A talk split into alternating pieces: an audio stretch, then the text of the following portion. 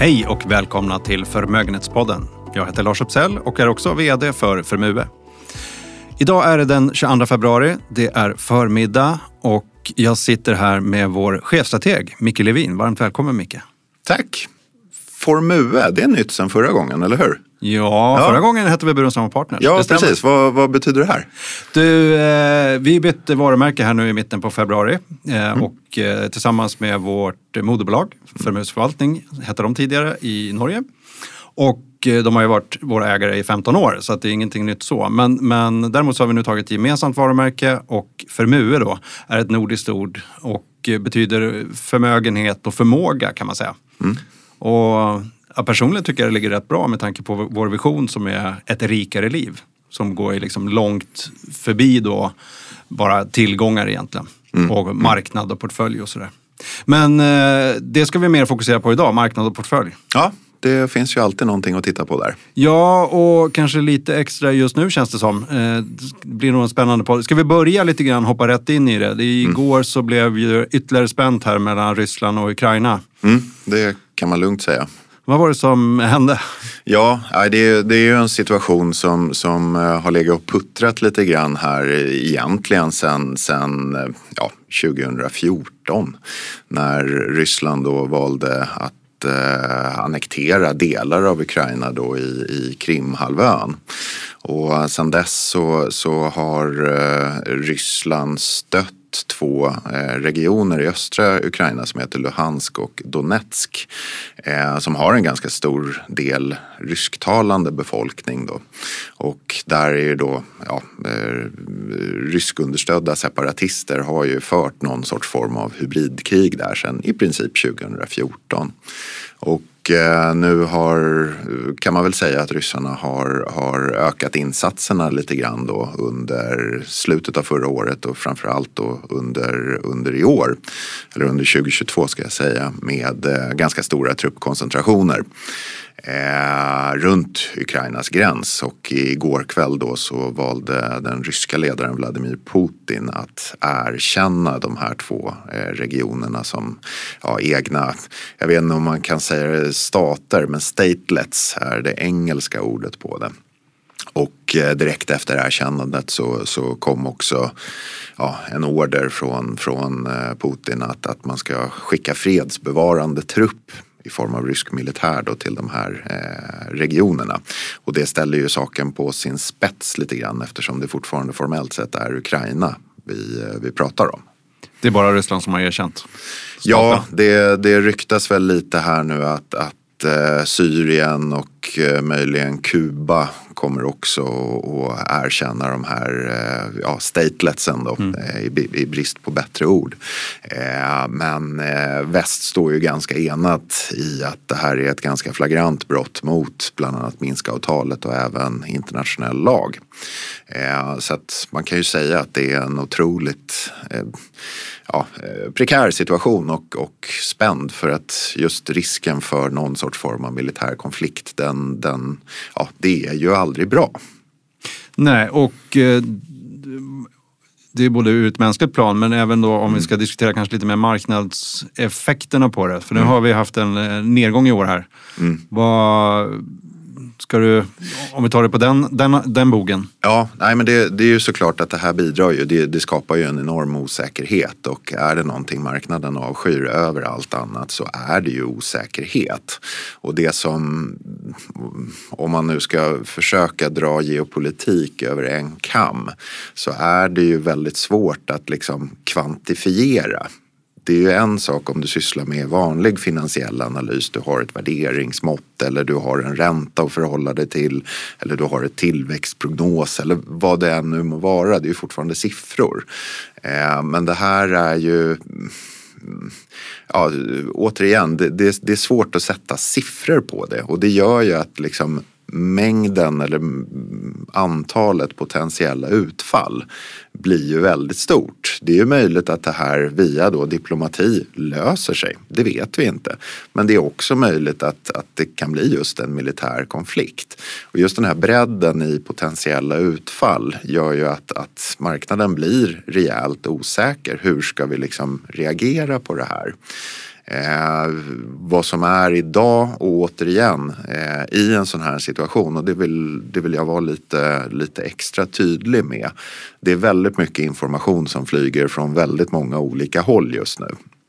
Eh, och det får man, det får man eh, liksom försöka bara förhålla sig till. Men det är ju såklart ytterligare en sak som bidrar till osäkerheten. Vad är det som gäller egentligen?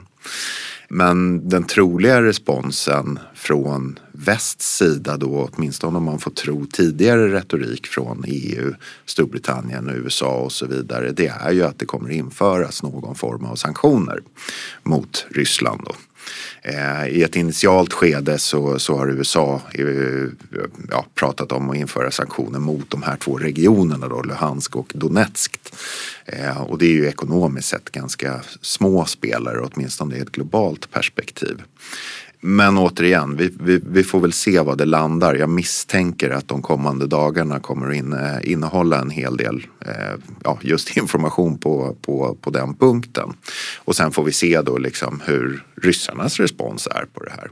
För de sitter ju i sin tur då på, på ett par spakar som de kan dra i också varav den främsta är ju då såklart energi eh, ja, energivapnet om man nu vill kalla det för det. Eh, Ryssland exporterar ju eh, som sagt en hel del gas bland annat till Europa. Eh, och skulle man stänga av den gasen så är det klart att då, då kan det ekonomiska utfallet men även inflationsutfallet.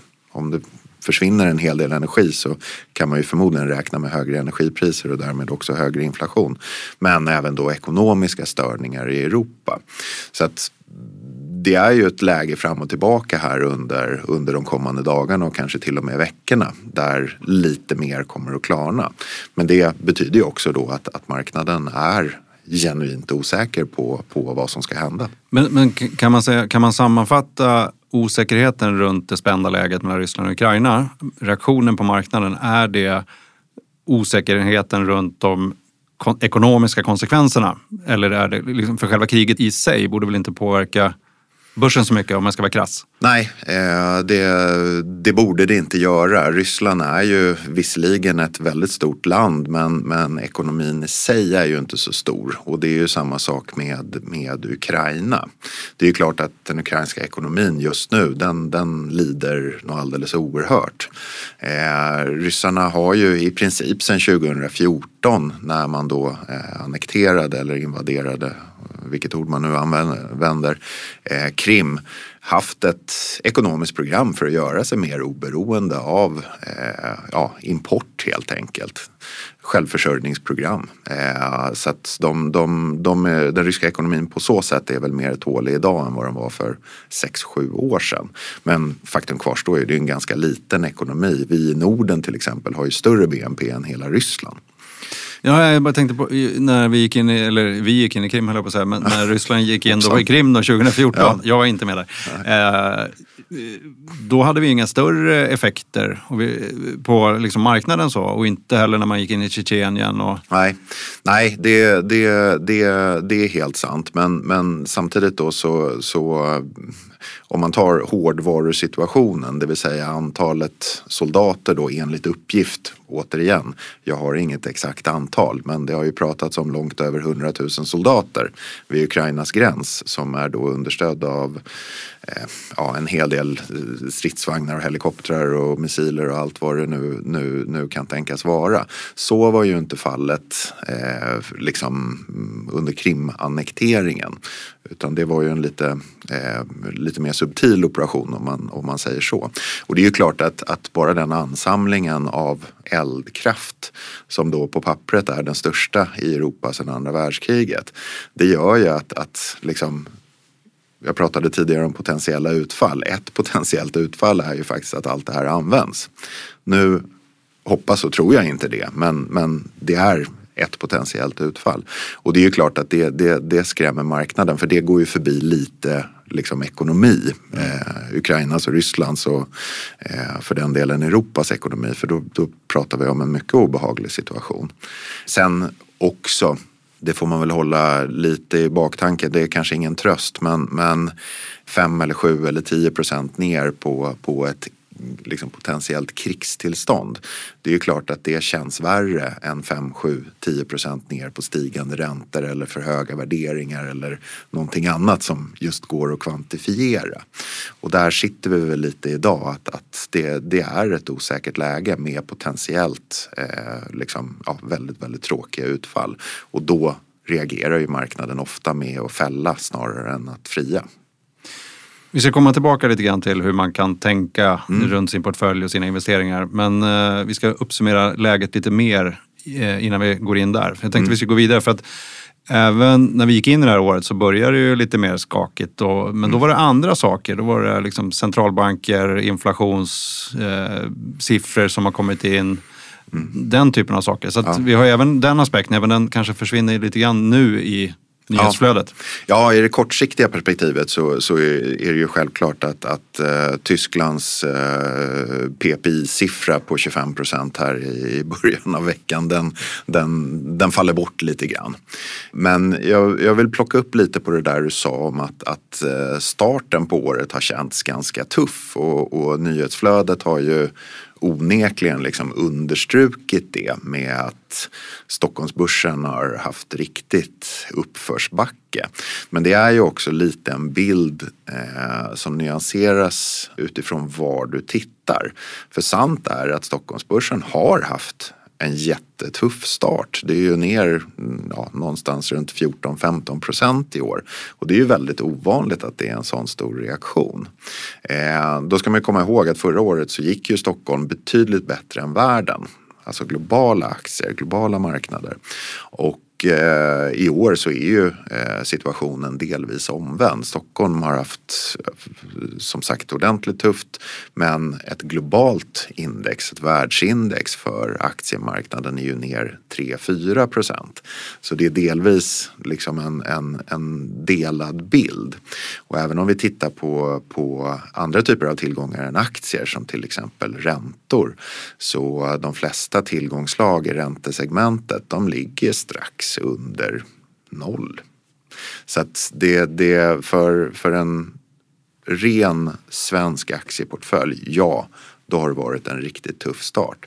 För en bättre diversifierad global portfölj, både inom aktier, inom räntor, kanske alternativa tillgångar också, så har utvecklingen varit betydligt lugnare. Så det, det är lite av, av eh, ja, eh, en del av bild som sagt.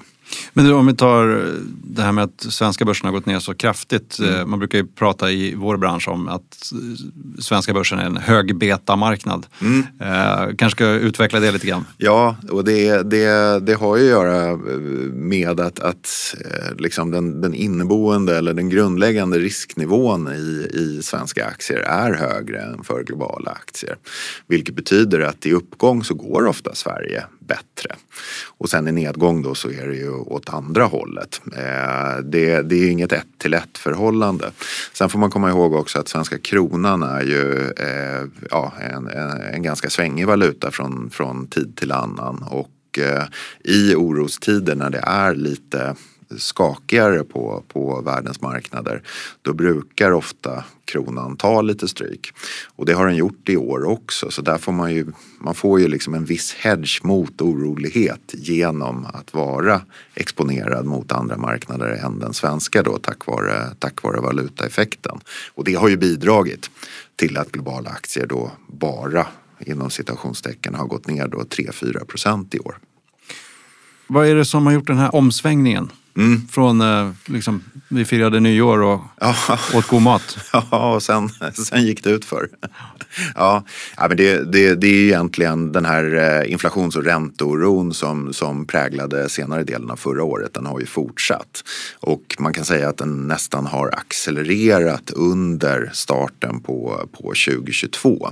Och framförallt har det synts då dels i inflationstalen då som har kommit in på väldigt höga nivåer oavsett om det gäller Eh, USA eller Europa eller Sverige för den delen. Och marknadens förväntningar på centralbankerna. Och här är återigen Fed i centrum. De förväntningarna har stigit väldigt, väldigt kraftigt. Att eh, i början av året, alltså första 3 januari i år, så, så såg marknaden att Fed skulle höja tre gånger under 2022. Från noll idag då upp till 0,75 procent i styrränta. Och precis nu för ja, ett par dagar sedan bara, då toppade väl de förväntningarna. Och eh, då trodde marknaden att man skulle höja sju gånger. Så man har adderat liksom förväntningar på fyra räntehöjningar på lite drygt en månad. Nu har de här förväntningarna de sista dagarna fallit av lite grann med Eh, den här Ukraina-Rysslands krisen. Och eh, i nuläget så tror jag förväntningarna ligger på ungefär sex räntehöjningar. Och det är ju klart att det där har fått räntorna, framförallt de korta räntorna då om vi pratar till exempel tvåårsräntorna i USA, i Tyskland, även i Sverige. Eh, de har stigit ganska kraftigt och det har ju då medfört att ja, stigande räntor på grund av då ökad inflationsoro det tynger riskfyllda tillgångar. Så det har ju varit en, en, en broms. Och det kan man väl säga är liksom huvudanledningen egentligen till den här lite ja, halvsura starten på, på 2022 som vi, som vi trots allt har haft. Och sen fick vi det här geopolitiska läget. Så kom det, det. ovanpå det. Och det, det är ju såklart, eh, jag tänkte säga en olycka kommer sällan ensam, men, men eh, det är ju klart att, att det, det tynger. Och sen också, den, den här är ju så pass Även om utfallet av det är väldigt abstrakt så är själva hotet om en militär konflikt det är ju väldigt konkret. Och där eh, så att säga så, så, så reagerar marknaden med att fälla snarare än fria. Och där har vi också det som vi har pratat om några gånger tidigare här på podden att, att marknaden är ju väldigt binär, eh, nästan lite neurotisk kan man säga. Att, att reaktionen oavsett om den är upp eller ner, den är ofta överdriven. Det är instinktivt. Och så kommer flockmentaliteten och så springer alla åt samma håll vilket förstärker rörelsen. Och det sker ju även på nedsidan och i ett sånt här läge då med potentiell krigssituation, det är klart att den rörelsen förstärks. Så att som jag sa, jag hoppas verkligen att den biten av, av eh, ja, världsläget eh, lugnar ner sig lite. För jag tror att, att då skulle det visa sig att det går att lösa så, så uh, tror jag reaktionen potentiellt faktiskt kan bli densamma fast åt andra hållet. Ett så kallat lättnadsrally kanske? Ja, möjligen. Men återigen, och extrem tydlighet här, där är vi inte än. Där är vi inte än. Nej. Men om vi skulle prata lite mer positivt då. Nu har det varit ganska mycket negativt fram till nu. Ja. Eh, en positiv sak som jag kan komma på direkt är ju att eh, de bästa investeringarna gör man när det gör som mest ont i magen och när det ser som mörkast ut. Därifrån är alltid eh, uppsidan bäst. Men, ja. men finns det annat som är positivt? Ja, det, det tycker jag faktiskt det gör. Och eh, med då brasklappen att just nu eh, att det känns väldigt eh, kymigt liksom på marknaden så, så har vi ändå den här liksom normaliseringsprocessen från de gångna två åren. Den, den, den är på spåret. Tillväxten tuffar på lite grann. Omikron är kanske på väg att släppa. Vi ser allt mer diskussioner runt om i världen om att släppa på restriktionerna. Till tillväxten börjar ticka på. Det kommer anekdotisk eh, anekdotiska bevis på att de här så kallade försörjningskedjorna då, komponentbrist och allt vad det har varit, att det möjligtvis börjar lätta lite grann. Och det tycker jag ändå i grunden är, är väldigt positivt. Eh, sen nummer två som vi också har tagit upp här ett antal gånger det är ju bolagens vinster och där är vi ju inne nu i slutfasen av rapporteringen för fjärde kvartalet 2021. Eh, och det ser fortfarande väldigt, väldigt bra ut. Och framöver, givet då att den ekonomiska utvecklingen någorlunda håller, så tror jag vi kan se fram emot ett par procents vinsttillväxt under 2022 också. Och det skulle vara definitivt ett, ett stöd för, för framförallt riskfyllda tillgångar. Så jag tycker inte man ska ta liksom och, och det, det, är väldigt lätt som jag sa att bli binär i en sån här situation. Att allting är dåligt eller allting är bra. Bilden är som vanligt nyanserad och eh, jag tycker det finns en, en, en hel del på plussidan. Och även om räntorna då, framförallt de kort korta men även till viss del de långa har eh, stigit en del eh, under 2022 här och även under slutet av 2021 så är de fortfarande väldigt, väldigt låga. Det är inte så att räntenivån kommer att, att knäcka ekonomin risk i det fallet. Vi var inne lite grann på marknadens förväntningar på centralbankerna. Det är ju såklart att centralbankerna tar i för mycket. Men det är ju klart att situationen nu med Ukraina-Ryssland gör ju att de får förmodligen titta över sina modeller en gång till. Eh, så att den övergripande bilden skulle jag vilja säga minus då den kortsiktiga Ryssland-Ukraina situationen. Den, jag tycker den är ändå balanserad med vissa positiva förtecken.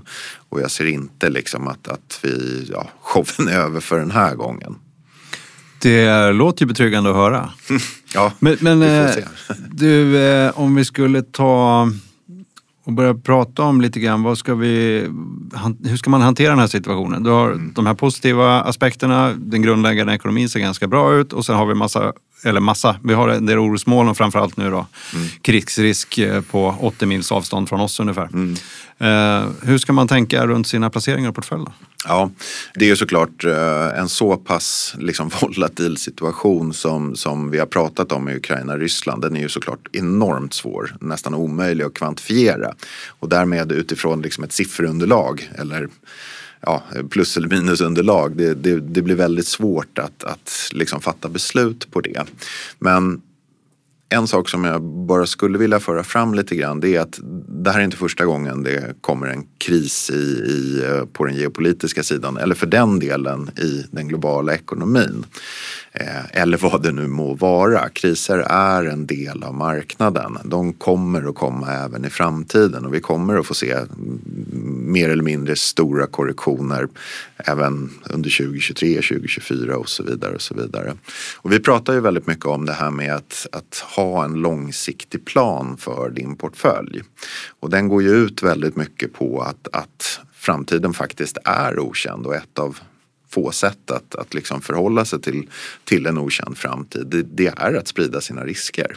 För att kommer du in i en sån här situation oavsett om det är Ukraina eller stigande räntor eller vad det nu må vara med liksom fel risknivå i din portfölj. Du kanske har tyckt att det har gått bra innan, ja men då kan vi öka på risken lite grann och så går du upp i risk över egentligen vad som är din långsiktiga risknivå. Det är ju klart att du blir tagen på sängen av en sån här händelse hårdare än om du hade haft liksom den risknivå i portföljen som motsvarar din långsiktiga risknivå. Och det är oftast vid sådana här tillfällen man funderar väldigt mycket på vad har jag för risknivå? Och det är ju det egentligen som är planen. Att försöka klura ut ungefär vad du tål både i uppgång men också i nedgång. Och sen se till att grundportföljen alltid håller sig där. Och för ja, om vi tar förra året som exempel eh, så gick ju aktiemarknaden väldigt, väldigt bra. Vilket gör att om du hade haft en portfölj med ja, säg 50% aktier och 50% räntor och det var din långsiktiga risknivå. Då gick du ju in i 2022 om du inte hade gjort någonting med en betydligt högre risknivå i och med att aktieandelen ökade så mycket mer än ränteandelen under 2021. Och då, då kommer man liksom in snett riskmässigt. Eh, och det handlar inte om vad man tror om marknaden, om den ska upp eller ner, utan det är bara ett absolut mått i portföljen. Har du 60% aktier men ska ha 50 aktier, ja, vikta ner till 50% Och det är egentligen oavsett om du tror att marknaden ska upp eller ner. Så det, sådana här tillfällen är ju bra att fundera över just vad har jag för, för risknivå och sen agera då utifrån det snarare än att, att låta känslorna ta över och då, då är ju risken för att fatta fel beslut ganska så stor. Men du, det där med att sätta en strategi, det är inte helt enkelt. Så, men första rådet är egentligen om du inte har en strategi alls, mm. se till att skaffa ja, en eller? Precis, börja fundera på hur, hur liksom det långsiktigt med den vetskapen om att det kommer att komma korrektioner även i framtiden. Problemet är bara att du inte vet när de kommer att komma. Nej, och nästa korrektion kan ju vara uppåt, precis som vi pratade om alldeles ja. nyss. Så det gäller ju att ha någonting som hänger med. Och ja. eh, jag tror man kan med fördel prata med sin rådgivare om man känner sig lite osäker på och gå igenom vilket resonemang man hade när man kom fram till den strategi man har. Ja, ja, ja. ja. Nej, men det, det, det, det, det är en mycket bra startpunkt. För återigen, sen omständigheterna ändras och då, då kanske det är läge att ändra men du, du måste ha någonting att ändra ifrån då. Mm. Och har man ingenting från början så att säga då, då är det väldigt lätt att liksom hamna på stormigt vatten rent portföljmässigt när en sån här sak inträffar. Du, vi ska börja runda av här, men är, har du några andra tankar och funderingar så runt om du blickar in i framtiden nu? Den här spåkulan har fortfarande inte kommit kanske? Nej, men... nej det, det, det har den inte.